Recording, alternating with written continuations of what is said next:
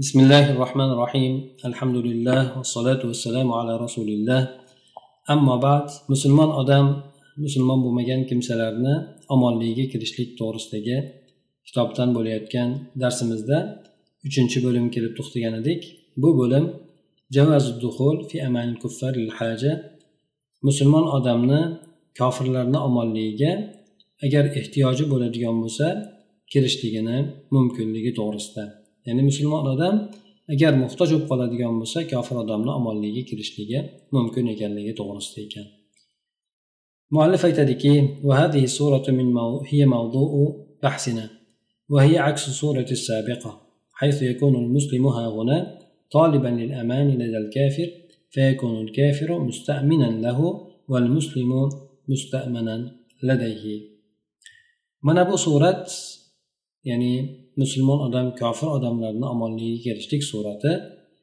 bu bizni bahsimizni mavzusidir. Bu yuqorida ikkinchi bo'limda aytib o'tgan suratimizni aks tamomila aksidir. Unda kofirlar musulmonlarni omonligiga kirganligi to'g'risida edi. Bu o'rinda esa musulmon odam kofir odamlarni huzurida omonlikni talab qiluvchi bo'ladi. Kofir odam shu bilan musulmonga omonlik beruvchi musulmon esa kofirni huzurida omonlik berilgan bo'lib qoladi وقد اتفق العلماء على جواز هذا العقد إن دعت الحاجة إليه وكانت فيه مصلحة للمسلم ولا شك أن العاقل مسلما كان أو كافرا لا يدخل في عقد ملزم إلا بعد النظر في حاجته إليه وفي الآثار المترتبة عليه فيوازن بين المصالح والمفاسد ويختار ما هو الأصلح والأنفع له والمسلم يقدم في نظره في هذا الأمر وفي سائر أموره مصلحة دينه أما من لا يهتم بأمر الدين فيقدم مصلحة دنياه olimlar mana bu aqni agar hojat taqozo etadigan bo'lsa mana bu aqni joiz ekanligiga ittifoq kelishgan ya'ni musulmon odam kofir odamni himoyasiga kirishligi to'g'risida va bu hojat taqozosi bilan bo'lishligi musulmon uchun manfaat bo'lishligi bu narsada. Ana o'shandan joiz ekanligiga olimlar ittifoq qilgan ekan. Shubhasiz aqlli bo'lgan odam musulmon bo'lsin yoki kofir bo'lsin farqi yo'q. O'zini o'ziga ba'zi narsalarni lozim tutib turadigan aqdga kirishligi faqat o'zini o'shanga ehtiyojini qaragandan keyin va unda kelib chiqadigan natijalarni bilgandan keyin shu ahdga o'zini uradi. Ahdga kiradi. Dab durustdan demak kirib ketmas ekan qarar ekan. Shunga ehtiyoj bormi? Ehtiyojni qaradi ehtiyojlik bor. Manfaat bormi bu narsada yoki zararmi? Mana bu narsani orasini taqqoslab turib agar manfaat ko'proq bo'ladigan bo'lsa undan kelib chiqadigan samaralarga qaraydi natijasi yaxshiroq bo'ladigan bo'lsa bunga jur'at qiladi. Aks holda esa u kofir kofir odamni himoyasiga kelishligi to'g'ri bo'lmaydi. Bu o'rinda manfaatlarni hamda undan kelib chiqadigan mafsadalarni orasini bunday taqqoslaydi. Qaysi biri foydaliroq yaxshiroq bo'ladigan bo'lsa o'shani ixtiyor qiladi. Musulmon odam mana bu ishdagi nazarida mana bu ishga qarashligida va boshqa ishga qarashligida ham din manfaatini muqaddam qiladi. Avvalo din manfaatiga qaraydi ammo endi din ishiga e'tibor bermaydigan odam esa o'z öz o'zidan dunyoviy manfaatini muqaddam qilaveradi وكان رسول الله صلى الله عليه وسلم أول من دخل في أمان الكفار فكان في جوار عمه أبي طالب وكان فكان له عضلا وحرزا في أمره ومنعة وناصرا على قومه فلما هلك أبو طالب وذلك قبل الهجرة إلى المدينة بثلاث سنين نالت قريش من رسول الله صلى الله عليه وسلم من الأذى ما لم ما لم تكن تطمع به في حياة أبي طالب فخرج رسول الله صلى الله عليه وسلم إلى الطائف يلتمس النصرة من ثقيف والمنعة بهم من قومه. رجاء أن يقبلوا منه ما جاءهم به من الله عز وجل لكنهم لم يستجيبوا لدعوته بل آذوه وأغروه به سفهاءهم وعبيدهم يسبونه ويصيحون به. فرجع رسول الله صلى الله عليه وسلم ولم يمكنه أن يدخل مكة أن يدخل مكة حتى دخل في جوار مطعم ابن عدي رسول الله صلى الله عليه وسلم kofirlarni omonligiga kelgan birinchi odam bo'lganlar u kishi amakilari abu tolibni himoyasida bo'lganlar abu tolib payg'ambar sallallohu alayhi vasallamga quvvatlov bo'lgan va ishida omonlik bo'lgan qavmiga qarshi yordam beruvchi himoya qiluvchi bo'lgan abu tolib vafot etgach bu esa madinaga hijrat qilishliklaridan avval uch yil oldin bo'lgan edi. Quraysh rasululloh sollallohu alayhi vasallamdan abu tolibni hayotlik davrida umid ham orzu ham qilolmaydigan ozorlarni yetkazdi. Shunda rasululloh sollallohu alayhi vasallam saqif qabilasidan yordam so'ragan holatda ulardan ular bilan o'zini qavmidan himoya qilishligini so'ragan holatda toif shahriga chiqadi. Payg'ambar sallallohu alayhi vasallam bu safarida u zot ularga olib kelgan olloh huzuridan olib kelgan narsani qabul qilishligi shuni umid qiladilar. Shuni umidda bo'ladilar.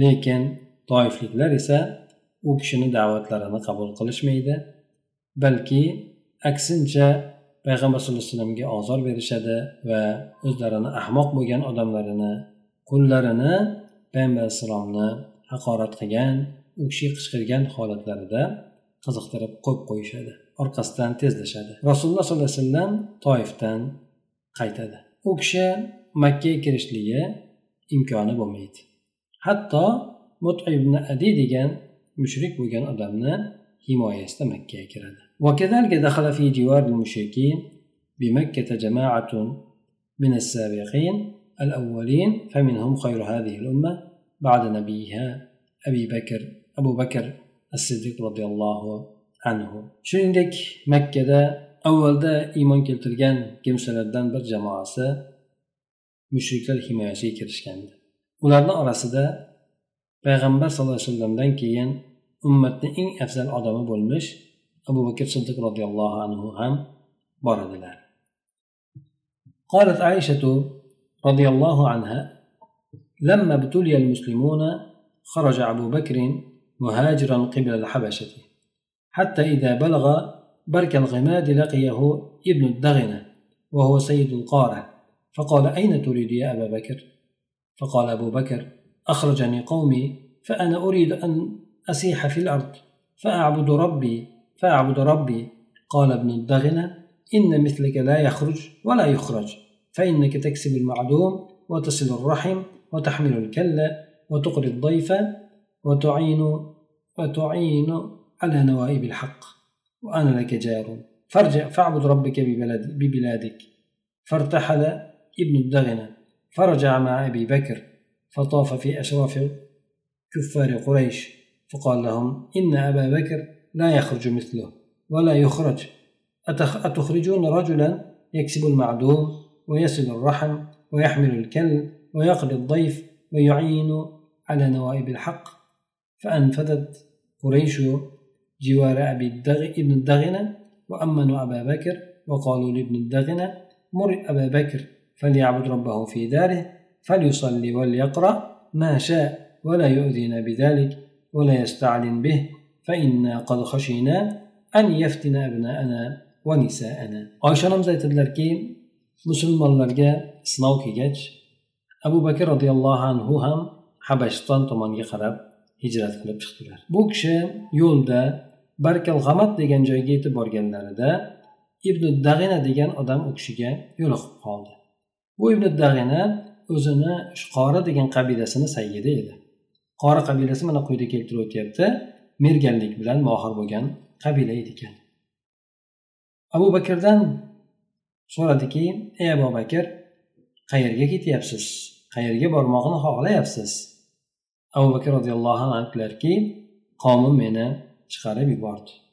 Men yerda bir sayr qilishlikni xohlayapman. Shunda robbimga ibodat ham qilaman. Ibn zag'in aytdiki sizga o'xshaganlari chiqmaydi ham chiqarilmaydi ham.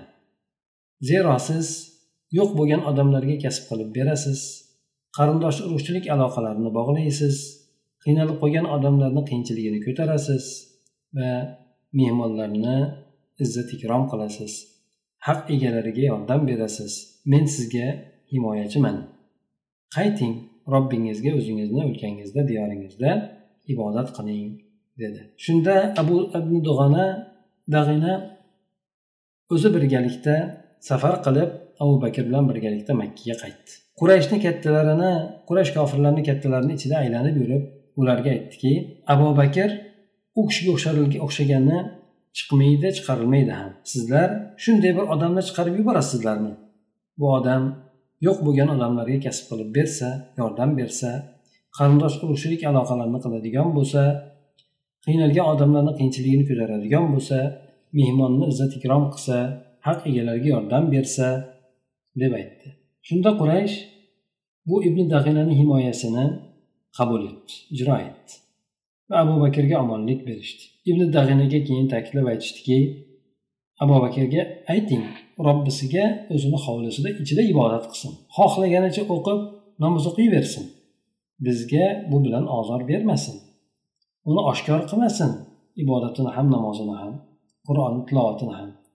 Biz bolalarimiz ayollarimizni fitnalab qo'yishligidan qo'rqamiz. deb aytishdi. فطفق أبو بكر يعبد ربه في داره ولا يستعلن بالصلاة ولا القراءة في غير داره.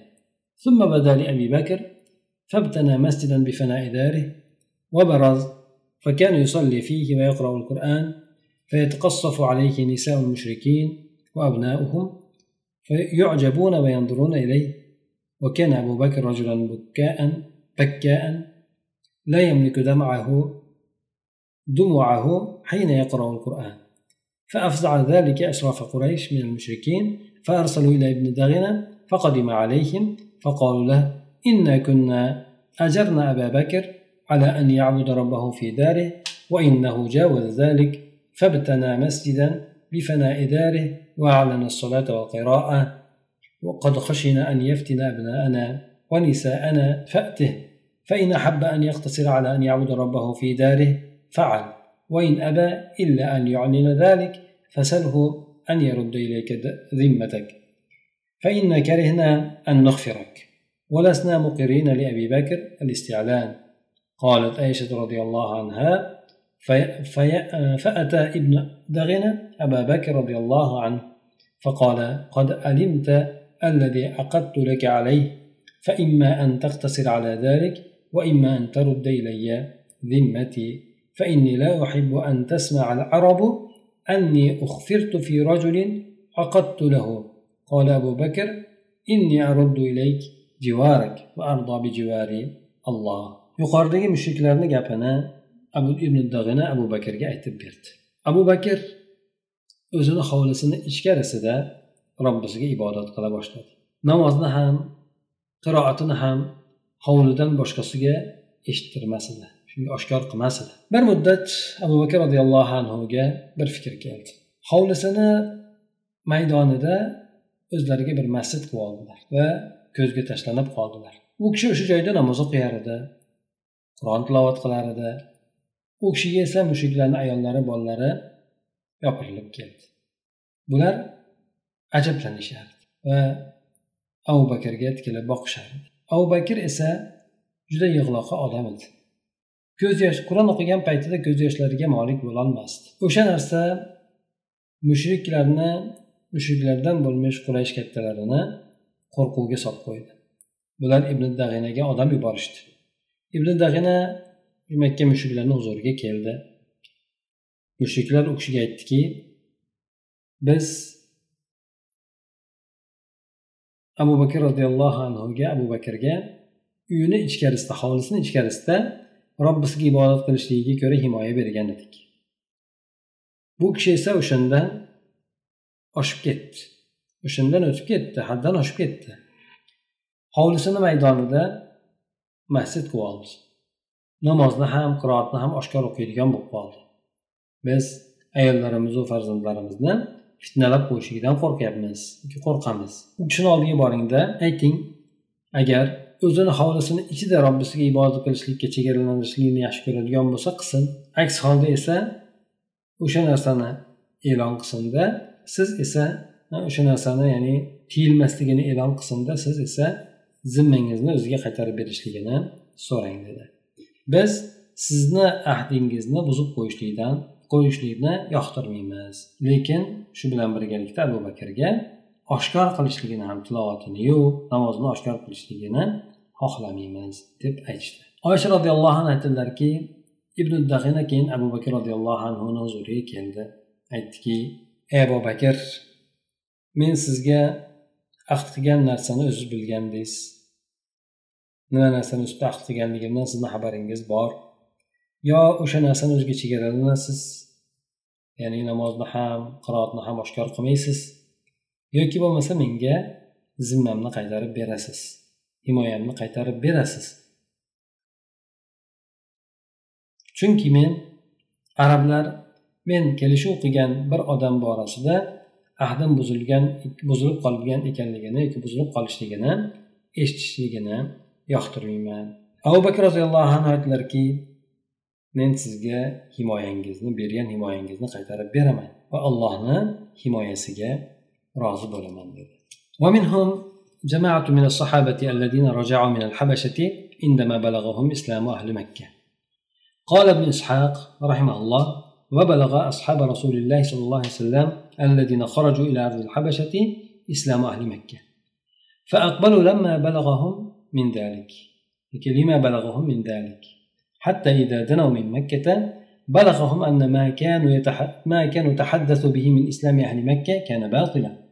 فلم يدخل منهم أحد إلا بجوار أو مستخفيا فكان من دخل منهم بجوار في من سمي لنا عثمان بن مضعون ابن حبيب الجماحي. دخل بجوار من وليد بن مغيرة أبو سلمة ابن عبد الأسد بن هلال ابن عبد الله بن عمر ابن مخزوم.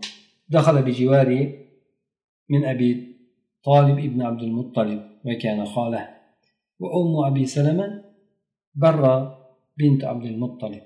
Ibn ishoq aytadilar e, ulardan yana bir jamoasi sahobalardan bir jamoasi ya'ni habashistondan makka ahlini musulmon bo'lib qolganlik xabari yetib qolgan paytida habashistondan qaytib yuborgan qaytib kelishgan sahobalardan bir majmuasi ham bular ham mushrik bo'lgan odamlarni himoyasida makkaga kirishadi. Ibn ishoq aytadilarki rasululloh sollallohu alayhi vasallamni o'sha habashiston yeriga chiqqan sahobalariga makka ahlini musulmon bo'lganlik xabari yetib qoldi. Habasistonda yurgan paytlarida bir xabar keladiki ya'ni payg'ambar alayhissalom najm surasini o'qigan paytida butun mushuklarni hammasi sajda qilibdi payg'ambar alayhissalom bilan birgalikda musulmon bo'libdi degan xabar yetib boradi. Ana o'sha xabar yetganligi uchun bular iqbol qilib kelishadi makka tomonga qarab kelishadi. Hatto makkaga yaqin qolgan paytda ularga yana bir xabar keladiki ular gapirishgan akka makka ahlini musulmon bo'lgan ekanligi nohaq bo'lib chiqadi. Makkalik e, o'sha muhojirlardan birontasi ham makkaga o'z boshi o'zicha kirolmadi balki kirgan bo'lsa birovni himoyasida yoki yashirincha holatda kirdi. Ularni orasidan himoya so'rab kirganlari bor ediki bizga nomi aytilishligi bo'yicha usmon ibn malun ibn habib al jumahiy bu kishi valid ibn mug'irani himoyasi ostida keladi. Abu salama ibn abdul asad ibn hilal ibn abdulloh ibn umar ibn mahzum bu kishi abu tolib ibn abdul muttolibni himoyasida keladi. Bu kishini abu tolib esa u kishini xolasi bo'lgan edi. Abu salmani onalari esa burra binti abdul muttolib bo'lgan edi. Demak yaqin qarindosh bo'lgan ekan shuning uchun abu tolib ularni o'z himoyasiga olgan ekan. Al hijratu ila al habasha endi habashistonga bo'lgan hijrat. إن الأمثلة السابقة تمثل دخول شخص أو بعض الأشخاص في حماية شخص آخر وذلك لما لذلك الشخص من منزلة أو نفوذ في مجتمعه لأسباب طبقية أو اجتماعية وهذا هو الجوار الذي كان من الأعراف الجاهلية المصانة وكان موافقا لشرع الله تعالى فأقره الإسلام وجعله ملزما ديانة habashistonga bo'lgan hijrat yuqorida o'tgan misollar bir shaxsni yoki ba'zi shaxslarni boshqa bir shaxsni himoyasiga kirganligini shakllantirib beradi bu albatta o'sha shaxsni o'zini jami yashab turgan jamiyatidagi nufuzi obro' e'tibori bo'lganligi uchun bu albatta o'sha tabaqiy tomondan yoki ijtimoiy tomondan bo'lgan sabablar uchundir. Sabablar sabablidir. Tabaqiy tabaqalanishlik yoki ijtimoiy sabablarga ko'ra jamiyatidagi nufuzi bo'lgan obro'si bo'lgan shaxs bo'lganligi uchun boshqa odamlarni o'sha odamlarni himoyasiga kirishadi mana shu johiliyatni saqlanib qolgan urf odatlaridan bo'lgan himoya berishlikdir. Bu himoya berishlik allohni shariatiga muvofiq ham bo'lgan shuning uchun islom unga iqror bo'lgan va uni din tomonidan ham lozim lozim narsa qilib qo'ygan ya'ni vojib bo'lgan narsa qilib qo'ygan ado etilishligi vojib bo'ladigan narsa qilib qo'ydi أما الهجرة إلى الحبشة فهو مثال آخر أكثر أهمية وأثرا وأشبه وأشبه بنظام اللجوء السياسي أو الإنساني الذي جعلت له الدول الكبرى في العصر الحديث قوانين وقواعد ملزمة لجميع الدول ولا شك أنه من محاسن الحضارة الغربية ومن الرأفة والرحمة التي جعلها الله تعالى في قلوب أهلها كما قال تعالى وقفينا بعيسى ابن مريم وآتيناه الإنجيل وجعلنا في قلوب الذين اتبعوه رأفة ورحمة. أما عند حبشتان هجرت keladigan bo'lsak bu boshqa bir misoldir ahamiyati ham ko'proq ta'siri ham kengroq bo'lgan boshqa bir bu go'yoki siyosiy boshpana izlashlik yoki bo'lmasa insoniy tomondan boshpana izlashlik nizomiga o'xshab ketadi. Buni uchun katta davlatlar hozirgi davrimizdagi katta davlatlar hamma davlatlar uchun majburiy bo'lgan qonun qoidalarni qilib qo'ygan. Bu siyosiy boshpana yoki insoniy boshpana berishlikka. Shubhasiz g'arb madaniyatini yaxshi ko'rinish tomonlaridan mana shu boshpana berishlik g'arbni e, madaniyatini eng ko'zga ko'ringan chiroyli tomonlaridan birisidir. Yana bu alloh taolo ahlini qalbida qilib qo'ygan rahmdillik mehribonlikni jumlasidan hamdir. Chunonchi alloh taolo aytadiki maryam biz muso alayhissalomga iso alayhissalomni ergashtirdik va u kishiga injilni berdik va u kishiga ergashgan odamlarni qalblarida esa rahmdillik mehribonlikni qilib qo'ydik ana shu demak ko'rib turgan ba'zi rahmdillik mehribonlik suratlari alloh taolo ularni qalbiga qo'yib qo'ygan o'sha rahmdillik mehribonlik jumlasidan ekan inna iwa al mazlum va ig'osatul malhuf va rahmatul daif mimma turshidu ilayhi fitar salima va nufus sharifa va in kanat fi vataniyati al arab aw nasraniyati al habasha وقد جاء الدين الصحيح بإتمام هذه المعاني النبيلة والتأكيد عليها ونقلها من ممارسات اجتماعية تقصد بها الوجاهة أو الشهرة أو الثناء العاجل إلى عبادة خالصة لله تعالى. يقصد به وجه الله تعالى والفوز بالجنات, بالجنات الخالدة والسعادة الأبدية. mazlum odamga joy berishlik qayg'u tushgan odamga yordam berishlik zaif bo'lgan odamga mehribonlik ko'rsatishlik mana bu narsalar sog'lom fitratlar tabiatlar yo'llaydigan sharif bo'lgan ulug' bo'lgan nafslar yo'llab qo'yadigan narsadir ko'rsatadigan narsadir garchi bu narsa arablarni butparastligida bo'lsin yoki habashton nasroniyligida bo'lsin farqi yo'qdir. Demak insonni tabiatidagi bo'lgan fitrati ana o'sha narsa mazlum bo'lgan odamga yordam berishlikni yoki qayg'u tushgan odamni qayg'usini ketkazishlikni insonga mana shu narsa o'zi e, imlo qiladi. Insonga shu narsa o'zi o'rgatadi. Bu sog'lom din esa mana bu ulug' ma'nolarni mukammal qilishlikni olib kelgan unga ta'kid etishlikni uni oddiygina bir ijtimoiy bir ishlar darajasidan ya'ni bu bilan obro' e'tibor shuhrat dunyoviy bo'lgan maqtov mana shu narsalar o'zi asli qasd qilinadi mana shunday bo'lgan ijtimoiy ish bo'lishligidan alloh taolo uchun xolis ibodatga ko'chirib qo'ydi.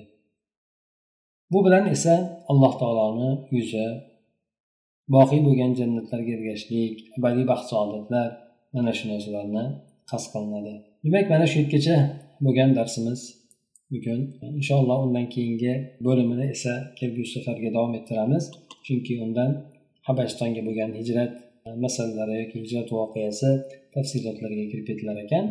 Shu yergacha bo'lgan mavzuyimizda kofir bo'lgan odamni himoyasiga musulmon bo'lgan odam e, himoya so'rab borishligi.